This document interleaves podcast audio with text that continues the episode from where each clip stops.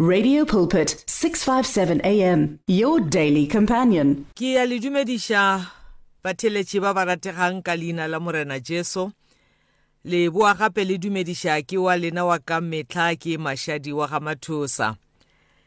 Ke kgwedi ya december re leboga modimo.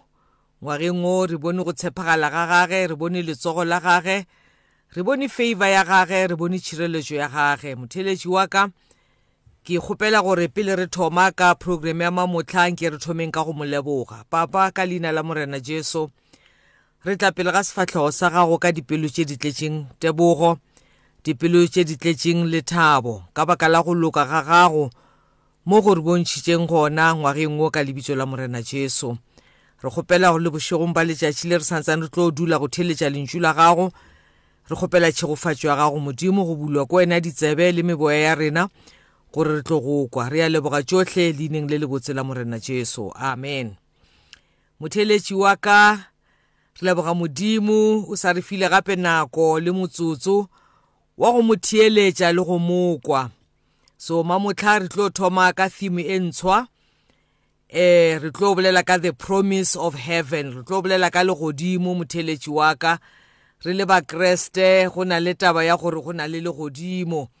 So ke lemogile gore kwa morago we never really took enough time to talk about this promise of heaven. So ke tšo checka mangwalo ka lebelela lentšung la modimo gore na lentšu la modimo le reng ka mangwalo a bolelang ka tshepišo ya legodimo gore na what is our relationship with heaven? And le taba ya gore this promise of heaven how does it impact our lives or how should it uh, impact our lives. Eh bakreste ba bantši ba ya bolela ka legodimo ka diphuthegong re a rutiwa ka legodimo le di-wirelesseng jwale ka ge le nna ke tlo bang ke ntše ke ke tshwere yona temana e ya legodimo. O hwetša batho nako e ntšhi ge ba expressa hope ya bona ba expressa ka taba ya legodimo gore go na le legodimo there is heaven waiting for the believers. So that is exactly that what we are going to talk about. Maikemišetšo a ka motheletši wa ka ke go encouragea bakreste ke go encouragea badumedi ke go encouragea bana ba modimo gore ga re felele mo re ya gae jerusalema. Ke chorus e leng gore ya opelwa gantši ka dikerekeng mo bakreste ba thabileng ba emeletše ba bina ba leboga modimo ba re ga re felele mo re ya gae legodimong. So my aim ka this topic motheletši wa ka ya the promise of heaven ke gore ga re felele mo mokreste ga re felele mo motheletši wa ka re ya gae legodimong. Motlho mongwe wena o lebeletše di-experiences tša gago o lebeletše ka mokgwa e le gore lefase le go treata ka gona ka baka la ge o le mokreste bjale ka ge o le ngwana wa modimo o hwetša e le gore o fela maatla. So ke rata go go tshepiša gape le go go gopotša gore ketse ga re felele mo. Motlho mongwe i'm talking to you you are in the midst of tribulations you are in the midst of trials you are in the midst of persecutions where other people are not treating you right because of your faith in the Lord Jesus Christ. I just want to encourage you to be strong, you know, to be full of courage. O tsebe gore ga re felele mo re ya gae Jerusalem. So motheletši wa ka ke rata gore eh ke re ke thoma ke re I'm dedicating this teaching to believers who sometimes feel that they are taken they have taken in too much, you know. Go na nakong o fila gore ya no joko ye ya nkimela. Instead of being appreciated i'm being persecuted you know. You feel you have taken in too much from haters of god who have been you know persecuting you for doing good. Instead of them appreciating you they are persecuting you. You are even tempted sometimes to think that you know there is no reward for righteousness. Motheletši wa ka there is a reward for righteousness. Ga re felele mo re ya gae legodimong. So continue in your righteous path. Continue doing good. Amen. So mo go isaiah chapter 66 verse 1 modimo bolela mantswe a gore heaven is my throne. And earth is my footstool. Motheletši wa ka whatever negative experience you're going through o le mo lefaseng. Modimo o re lefase is my footstool. All those experiences are under his feet. And readily under his feet it means they are also under your feet. Experiences from your haters experiences from your persecutors. Lentšu la modimo le bontšha mo isaiah chapter 66 gore they are under god's feet and they are under your feet. Modimo o re heaven is my throne. That is where you belong motheletši wa ka. That is where we are going to. You need to lift your eyes and focus on heaven gobane that is where the throne of god is. So ke rata go bolela ka promise ya morena jesu a ileng a e dira mo go john chapter 14 verse 1 yona e bolelang ka legodimo morena jesu o re let not your hearts be troubled. Ke boletše taba ya gore bakreste nako nngwe as a christian you go through trials you go through challenges tšeo sa di kwešišing. You know your eyes are always full of tears. The world does not understand you. They misinterpret your your your your your, your actions and your motives. They ill treat you. Morena jesu re let your hearts not be troubles troubled sorry. Ke bolela le wena mamotla maybe your heart is troubled. You are busy thinking about the way the world has been treating you because of your faith in the lord jesus christ. Ke tlo go bontšha motheletši wa ka from the scriptures gore ga se wena fela ke bakreste ka moka.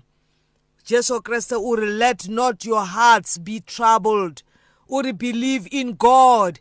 Believe also in me. Motheletši wa ka motlho mongwe tumelo ya gago e be e šetše e tekateka. Mohlomongwe o bo šetše o questiona gore mohlomongwe ka go amogela morena jesu ga ka dira nto e botse.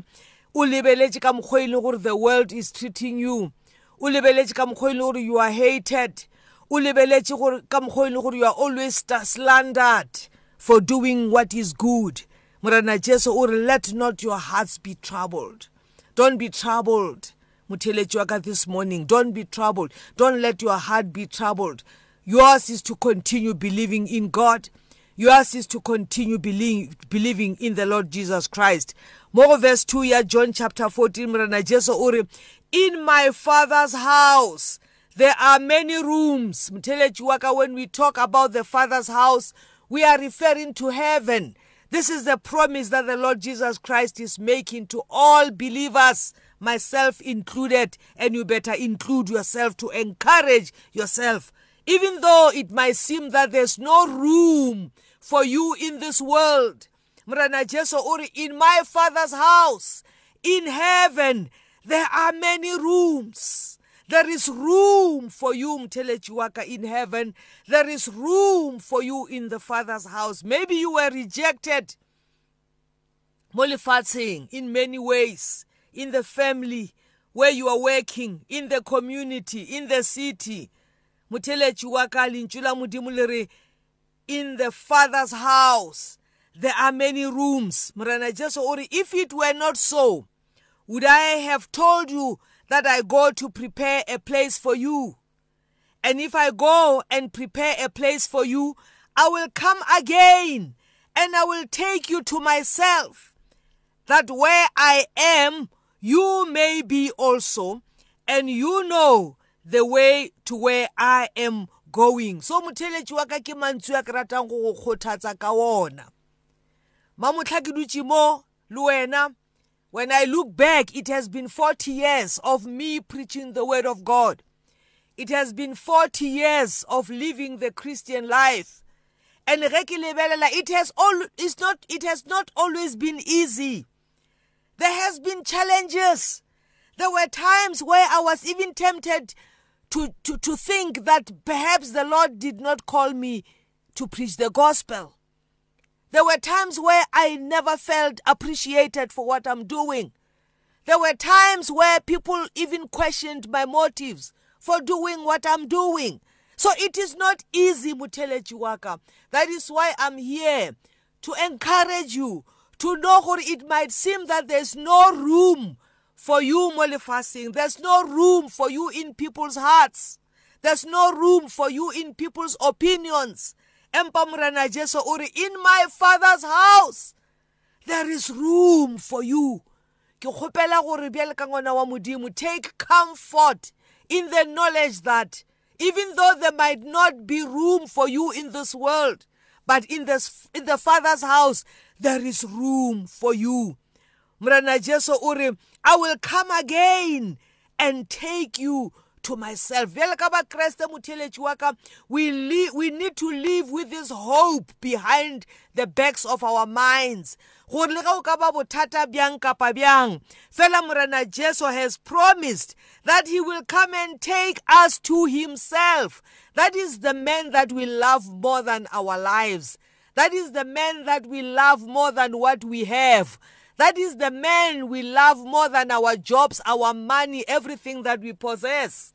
Murana Jesu uri, I will come, you know, I will come and take you to myself. So mokresto o mongwe le o mongwe you need to keep this hope going ya gore le ge lefase le rejecta le ge ke sena room mo lefaseng empa morena jesu o rile go nna he will come and take me to himself. Ultimately ke mo re yang gona.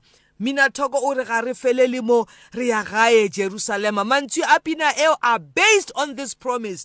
Mo morena jesu a reng I will take you to myself, that where I am, you may be also.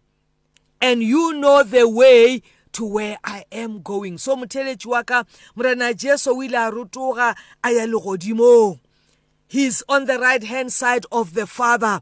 Moaring, there is room. There is enough room for you there. And I'm coming one day to take you again to myself so that where I am, you may be also. Mtheletši wa ka ke a dumela gore mantswe a ke go botsang gona a go kgothatsa le ge e le gore you have gone through difficult time le ge e le gore you have gone through challenges. Le ge e le gore you might have been made to feel as though there's no room for you in this world. Tseba gore morena jesu o re there is room for you in heaven in the father's house. And or i will personally come and take you to where i am. And ke rata go fa context motheletši wa ka ya gore ge morena jesu a tla be a feletša a tshepišitše barutwa ba gage yona tshepišo e go be go diragala eng? Just the background you know ya gore na go be go diragala eng? So that you can understand gore ke nnete mo lefaseng there is no room for us as children of god. Lentšu la modimo le a bontšha gore before morena jesu a bolela mantšu a ko go john chapter 14 it was after he had raised lazarus from the dead. So ge a ne a tsoša lazarus bafung there were chief chief priests and there were pharisees. Ba e leng gore they were not pleased with what he had done. Ba ne ba mo lebeletse ka leitlho le lebe. You know so lentšu la modimo le re the chief priests and the pharisees they gathered the council and said what are we to do? For this man performs many signs. You know it looks like ge morena jesu a bantše a dira dilo tše di botse a rera mmušo wa modimo a fodiša batho ba lwalang a dira metlholo. These people felt that he was competing with them. These people felt that he was stealing their show. He was stealing their attention. He was stealing their glory. They felt jealous. Ke John chapter 11 verse 47 ir the chief priests and the Pharisees they gathered the council and said what are we to do they wanted to do something about it. But for this man performs many signs. But if we let him go on like this everyone will believe in him and the romans will come and take away both our place and our nation. Wa e bona motheletši wa ka? Gore they hated the lord jesus christ for the many signs that he was performing. Because they thought their position was going to be taken away from them by the Romans. They thought their power was going to be taken away. They thought their reputation and their glory was going to be taken away from them. And I believe as I'm saying this, Mutele Chiwaka, you can identify with this situation. When we are persecuted for preaching the kingdom of God, for doing the works of God, for living righteous lives mo lefaseng. You know batho ba sa dumeleng morena jesu ba fila gore we are stealing the show. We are taking away their power their positions so that we are you know ba kry o kare we are drawing more and more people to what we are doing. And ba šala e le gore ga bana attention. That is the source of persecution mo e tswang gona. So that is exactly what happened to the lord jesus christ. Because lentšu la modimo le bolela gore go tloga gona ka letšatši leo ke John chapter 11 verse 53 iri so from that day on they made plans to put him to death. So le bona motheletši wa ka gore because of the good things that you are doing because of you know the ministry that you are doing ministering the word of God doing good the world feel that you are taking away attention from them. You are taking away their power and their reputation because they are not representing the kingdom of God. They are representing the kingdom of the devil. So we need to be strong. Re tsebe gore what we are going through is exactly what the Lord Jesus Christ went through. So mara morena Jesu ore even though there might seem like there's no room for us in this world there is room. There is room for us in the father's house. Ke Johannes chapter 14 verse 11 so motheletši wa ka nako e mpheletše fela re tlo tswela pele gape bekeng e tlang a modimo wa kgotso a letlhogonolofatše As easy as the touch of a button, the message of life on 657 AM. Radio Pulpit understands that praying alone isn't always easy. So, join us to form a chain of prayer for you and with you. To do so, send in your prayer requests on 067 429 7564. That is 067 429 7564 or alternatively email us on prayer at radiopulpit.co.za. That is prayer at radiopulpit.co.za. Many people across South Africa are being blessed and encouraged by the Radio Pulpit devotional magazine, The Word for Today. This publication places the gospel of Jesus Christ in the hands of more than 100,000 people every day, inspiring every person, from the professional businessman to the needy person who lives on the streets. Each edition contains daily scripture based devotionals and inspiring articles to help you grow spiritually. The booklet is given with the compliments of Radio Pulpit, but your donation, large or small, will help us to print the next edition and continue being the hope of the gospel to a world in desperate need. The Word for Today. Get yours today on 012 334 1200 or subscribe online at www.radiopulpit.co.za. Radio Pulpit, your daily companion. You and 657 AM and life, a winning team on the road to eternity.